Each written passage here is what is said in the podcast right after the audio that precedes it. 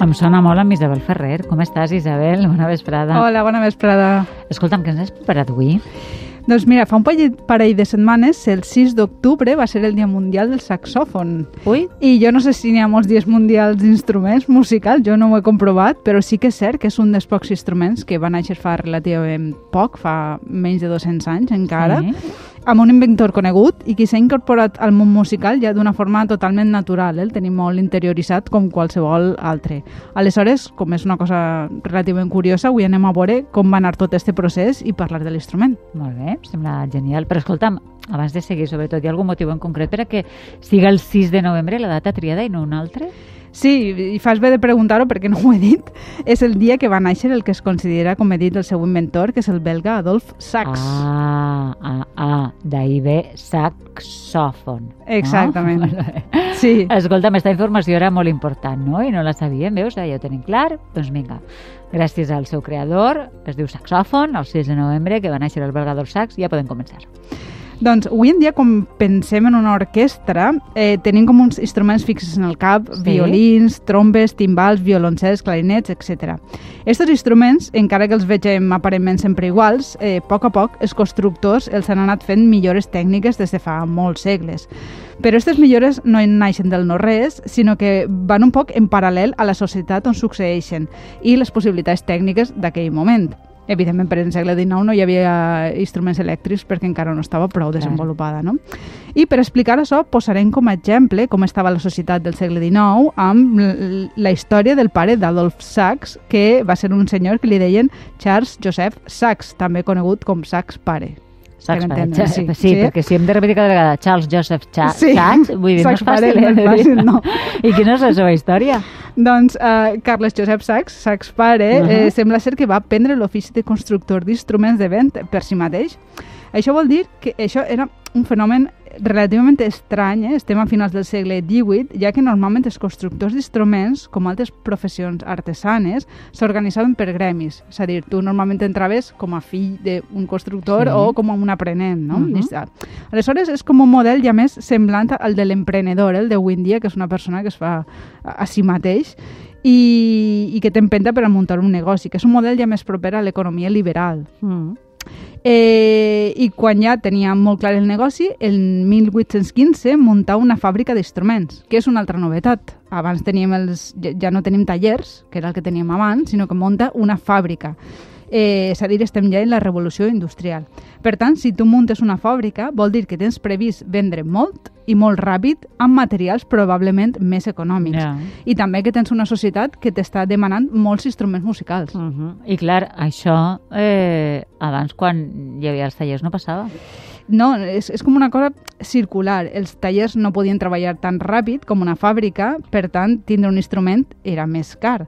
Quan la revolució industrial permet abaratir costos, més gent pot permetre's comprar instruments. Clar. I creix l'afició per la música. Aleshores, més gent demana eh, instruments perquè hi ha més afició i el constructor en vol vendre més per a vendre més diners. Així la cosa va rodant de l'economia capitalista. Uh -huh.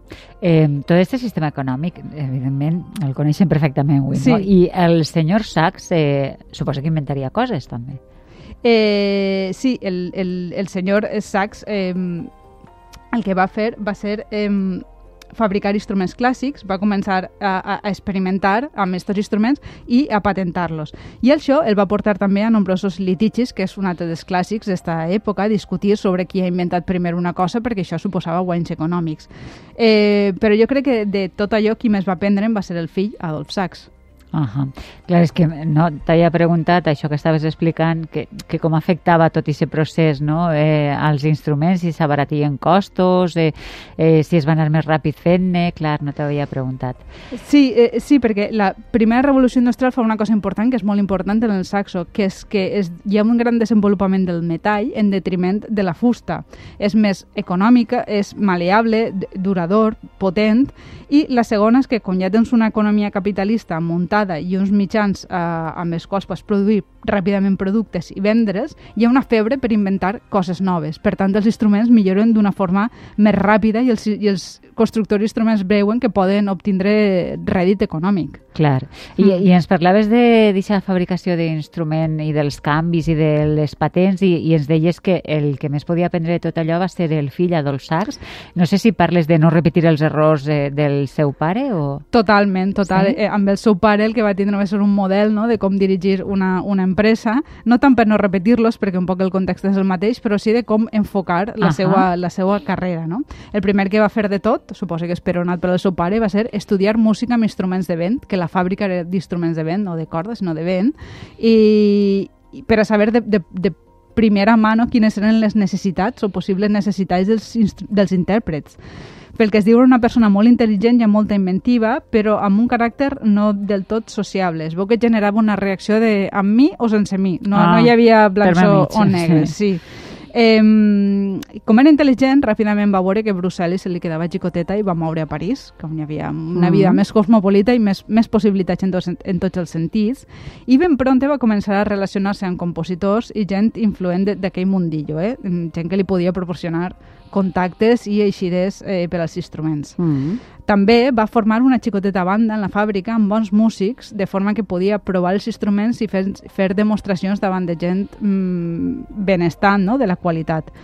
Ho tenia tot prou ben pensat pel que he llegit. No era un poc un tarambana que anava... Ja, ja, ja. Sí. Vull dir que tenia molt clar cap on volia anar, no? Mm. I com va començar a pensar en el saxòfon? Vull dir, com se li ocorre la idea de crear aquest instrument? Doncs suposa que és prou diferent de com ens ho mostren els dibuixos animats, que s'apareix una bombeta. Clar. La veritat és que això no crec que fora així, sinó que els constructors d'instruments no sempre quan registraven una novetat era tot un instrument nou, sinó que anaven fent xicotetes millores que feien sobre instruments més antics, eren millores tècniques. Aleshores, no tenim constància de quines són les deduccions que el feren arribar a, a Adolf Sachs, al saxo, uh -huh. però podria ser una mescla entre dos instruments que existien en aquell temps, el clarinet i l'oficleide va fer com una fusió dels dos.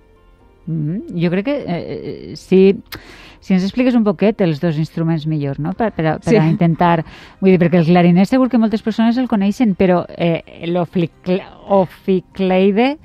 Potser ja no tantes, no? No, no, no, no tantes. Jo entre elles, eh, no sé. Sí, ara vos conte. Eh, I de fet, això també ens servirà per a explicar com funciona el saxòfon. Ah, perfecte. Bueno, mireu, el clarinet és un instrument de fusta, en este sí. cas negra, eh, que per això igual despista, amb forats que es tapen mitjançant, mitjançant un sistema de claus, però en realitat són forats amb un sistema millorat. Eh? El uh -huh. que mhm. vegem és molt de metall per damunt, però baix està la fusta sempre. Eh, per fer-lo sonar és, eh, tenim una canyeta de fusta enganxada al cos de l'instrument amb una peça que es diu abraçadora, eh, pel que fa és això, sí. abraça la, la canya a l'instrument. Um, perquè a què serveix això? Per a que estigui la canya tensa i vibre quan tu bufes, que és el que fa que sona el clarinet.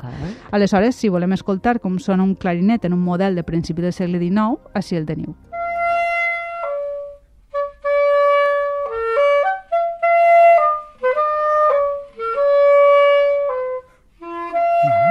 Dolcet, no? Però és dolcet, mm. sí. Sonava prou bé per a ser un model sí, tan antic. Del sí. Daneu, sí. En canvi, en canvi, un oficleide és un instrument amb una... Eh, és com un, una forma també com de clarinet, però acabat en, en vessa, però molt més gran i molt més gros, eh? que acaba també, com dèiem, una corba.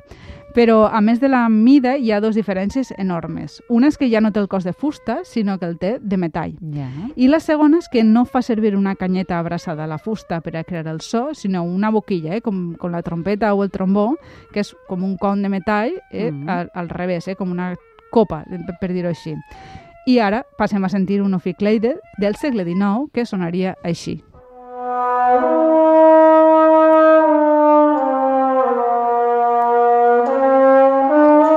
A veure, este potser ja no sona tan dolç, no? No, no sona tan dolç, però com cal, clarinet, dir, cal dir que aquell, el clarinet era un model basat en el segle XIX, però nou, i este és un instrument eh, del 1850. Realment, és un instrument ah, original. Sí, sí, sí. Molt um, la veritat és que és un instrument limitat, però va ser molt utilitzat en algunes agrupacions um, tot i aquestes limitacions. En tot cas, el que va fer Adolf Sachs és que va fusionar una de les característiques del clarinet, que és la manera de fer-lo sonar, amb la canyeta unida al cos de l'instrument, i uh, va agafar el cos de metall, val? De, que és una part del, del, del oficleide amb forats i claus, com l'oficleide. Per tant, una manera de sonar d'un i el cos de l'altre. Ah. I la forma que li va resultar per, per a que sonara més bé va ser esta, mantindre no la forma recta del clarinet, sinó esta forma de gallato, que és la que té el saxo, i el resultat va sonor va ser este.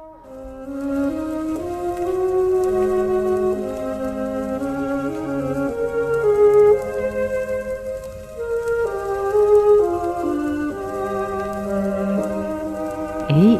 es nota que és un enregistrament eh, històric, no?, pel sorollet, però ja el, el saxòfon sona mm, mel. Sí, sona molt bé, entre altres coses, perquè el que toca és Marcel Mule, que és un dels saxofonistes històrics uh -huh. uh, més importants, interpretant una de les primeres peces orquestrals on es va incloure el saxo. Eh, I si no vaig errada, ell està tocant el saxòfon que anomenem alt. I què vol dir alt? Doncs que Adolf Sax no es va limitar a crear un únic instrument, sinó que va construir el mateix instrument de més xicotet a més gran per Ah. aconseguir sons des de més agut fins a eh, molt greus. Actualment, els més utilitzats són quatre, que els escoltarem de més agut a més greu. Primer tenim el soprano, que de vegades es fabrica en forma recta, com si fos un clarinet, i que es va fer molt conegut perquè era l'instrument que utilitzava Kenny G i que no es podem resistir a escoltar de Vinga. nou.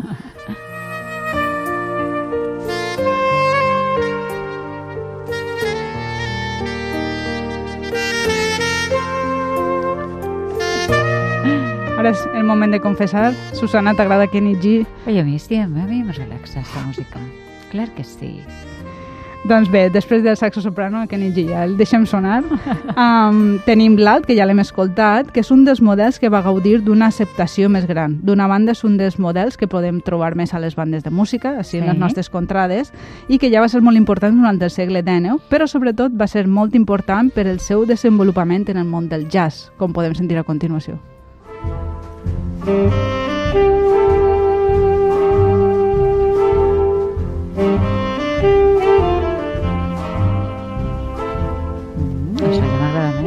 Sí, a mi m'agrada més que Kenny G, que és On the Sí. Town, de Leonard Bernstein. Sí. És un jazz sinfònic més acadèmic. Mm. Uh, I bé, tenim infinitat de referències de saxofonistes amb el saxo alt.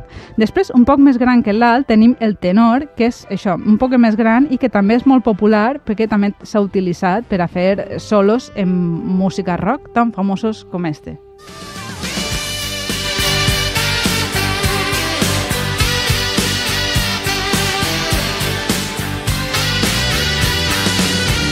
sembla que sí que la tenim tots més al cap, Esta no? la tenim en el cap. Sí, el tenor també és molt conegut en el món de les, de les bandes.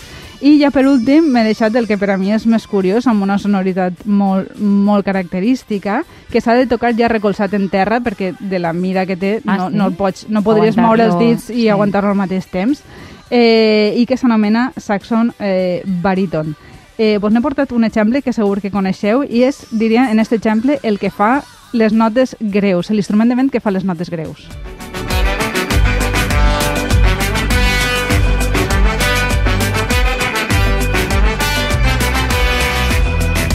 Sí que és curiós, no? I escolta'm una cosa, uh, per acabar, com li va anar a Sachs en la, en la vida després seu invent? Vull dir, que ens hem deixat allà oblidat explicant les, Sí. les músiques que s'han fet després amb el saxo, no? No? Això és una bona senyal, eh, de que va Sí. triomfar molt l'invent. doncs eh, va ser molt hàbil perquè va aconseguir quasi el monopoli de l'instrument durant molts anys. Clar, la patent era, la patent era d'ell, fent que el govern francès el preferida davant altres opcions. El que passa és que, tot i que va triomfar i guanyar molts premis, es va guanyar l'antipatia d'altres constructors perquè es veu que també havia, agaf, anem a dir, havia agafat prestades algunes idees d'altres i, eh, i, les va fer passar com a pròpies. Es veu que també el van acusar de, el que en dia diríem, tràfic d'influències. Ah. Um, aleshores, part de la seva vida també va discórrer entre litigis i quasi mor arruïnat.